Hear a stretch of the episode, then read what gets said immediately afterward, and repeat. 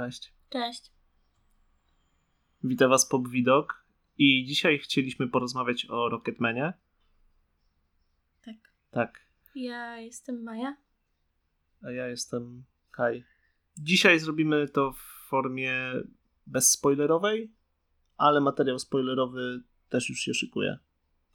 Mm, Przy czym od razu zaczniemy od tego, że chcieliśmy zrobić recenzję detektywa Pikachu, ale wczoraj byliśmy właśnie na Rocketmanie i uznaliśmy, że ten film zasługuje o wiele bardziej na taką dokładną recenzję. I no dzisiaj opowiemy wam dlaczego. I, właściwie od tego chyba możemy zacząć, dlatego że ten film, tak jak wczoraj tuż po seansie już rozmawialiśmy, właściwie stoi formą. To znaczy, bez opowiedzenia o tym, jak wygląda forma, tak naprawdę nie da się opowiedzieć o tym filmie. Nie, bo A jednocześnie uznacie to za spoilery, więc. może tak, biografię Eltona Johna każdy może sobie sprawdzić. Mhm. możecie kupić książkę, możecie obejrzeć, nie wiem, jakiś dokument, ale w taki sposób, jak w tym filmie zostało opowiedziane jego życie, nigdzie tego nie zobaczycie.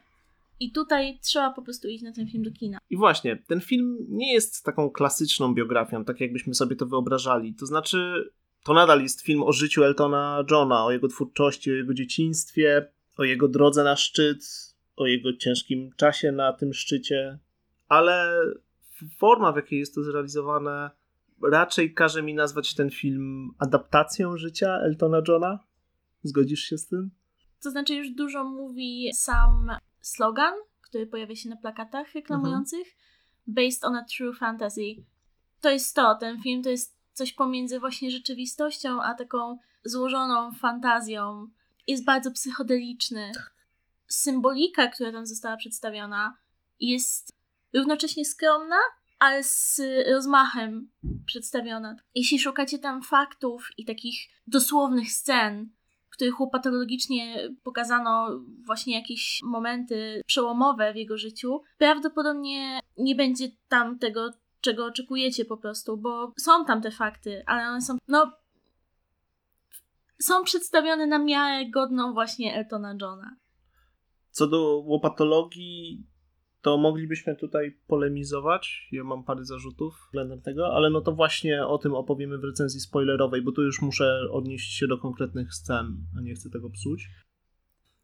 Na pewno jakby największym plusem jest realizacja. Właśnie jak już wspomnieliśmy trochę wcześniej, realizacja jest wyjątkowa, jest psychodeliczna, jest e, mnóstwo scen, których się tam nie spodziewamy. Ten film zaskakuje na każdym kroku, jeśli chodzi o formę. Zacznijmy przede wszystkim od tego, że to jest musical. Tak, znaczy on ma bardzo dużo elementów musicalu, ale nie nazwałbym go musicalem. To jest musical. W każdym przełomowym momencie masz Mamy piosenkę. piosenkę Tak. i masz scenę e, musicalową.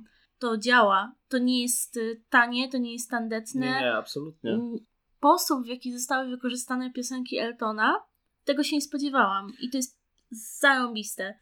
Niekoniecznie piosenki są wykorzystywane w chronologicznej kolejności, ale ilustrują życie bohatera w przewrotny sposób, tak naprawdę. To znaczy, czasami nie do końca łączą się z rzeczywistością, ale film zupełnie na tym nie traci. Jest e, wręcz powiedziałbym, że dynamicznie na tym zyskuje. Oprócz tego zaskoczył mnie, choć tu też nie mogę powiedzieć dokładnie dlaczego, tematycznie. To znaczy, ten film był bardzo intymny. Pomimo tego, o czym opowiadał, jednocześnie był skromny i był z blichtrem. Czuło się i skromność, i przepych, i moim zdaniem po prostu pogodzono ogień z wodą. Totalnie nie spodziewałem się, że ten film będzie wyglądał w taki sposób. To znaczy tak, w warstwie wizualnej, e, tak jak mówisz, był tam blichty, był przepych, było wszystko to, co znamy z tych scenicznych kreacji Eltona Johna. Wszystko, co nam się kojarzy z jego twórczością i w ogóle z jego właśnie sceniczną stroną. To wszystko było i to było świetnie zrealizowane. Kostiumy, charakteryzacja, sceny taneczne, muzycznie po prostu Taron Egerton niesamowicie. Właśnie, warto dodać, że on tam śpiewa i śpiewa naprawdę dobrze.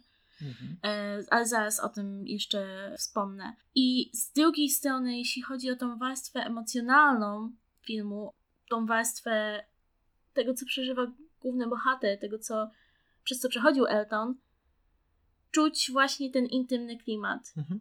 Czuć, że jest to film, w którym Elton John rozlicza się z przeszłością. I to właśnie w taki wyjątkowo otwarty i intymny sposób. Co jest zaskakujące. Nie spodziewamy się zazwyczaj, że y, ktoś y, będzie tak otwarcie mówić o swojej niezbyt chlubnej przeszłości.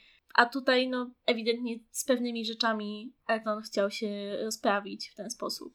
Tak, i tutaj w oczywisty sposób nasuwają się skojarzenia z Bohemian Rhapsody, bo te filmy na pewnej płaszczyźnie są bardzo podobne i traktują o podobnych tematach, także spodziewajcie się w naszej recenzji spoilerowej spoilerów także z Bohemian Rhapsody, dlatego że nie uciekniemy przed tym filmem. Powiem to w ten sposób.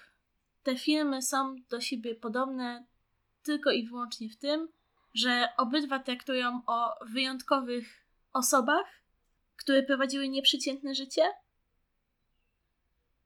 Tylko, że jeden z nich jest bardzo przeciętny, a drugi nie. Tak. I mówimy o filmach, nie o artystach. I z tym was zostawiamy.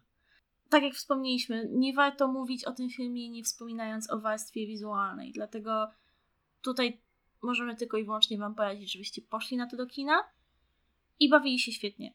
I to w sumie tyle z recenzji bezspoilerowej. Czekajcie, czekajcie na spoilerową, tam już zrobimy to ładnie.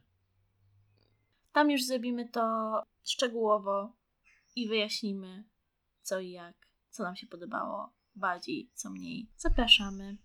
Do zobaczenia. Pa! pa.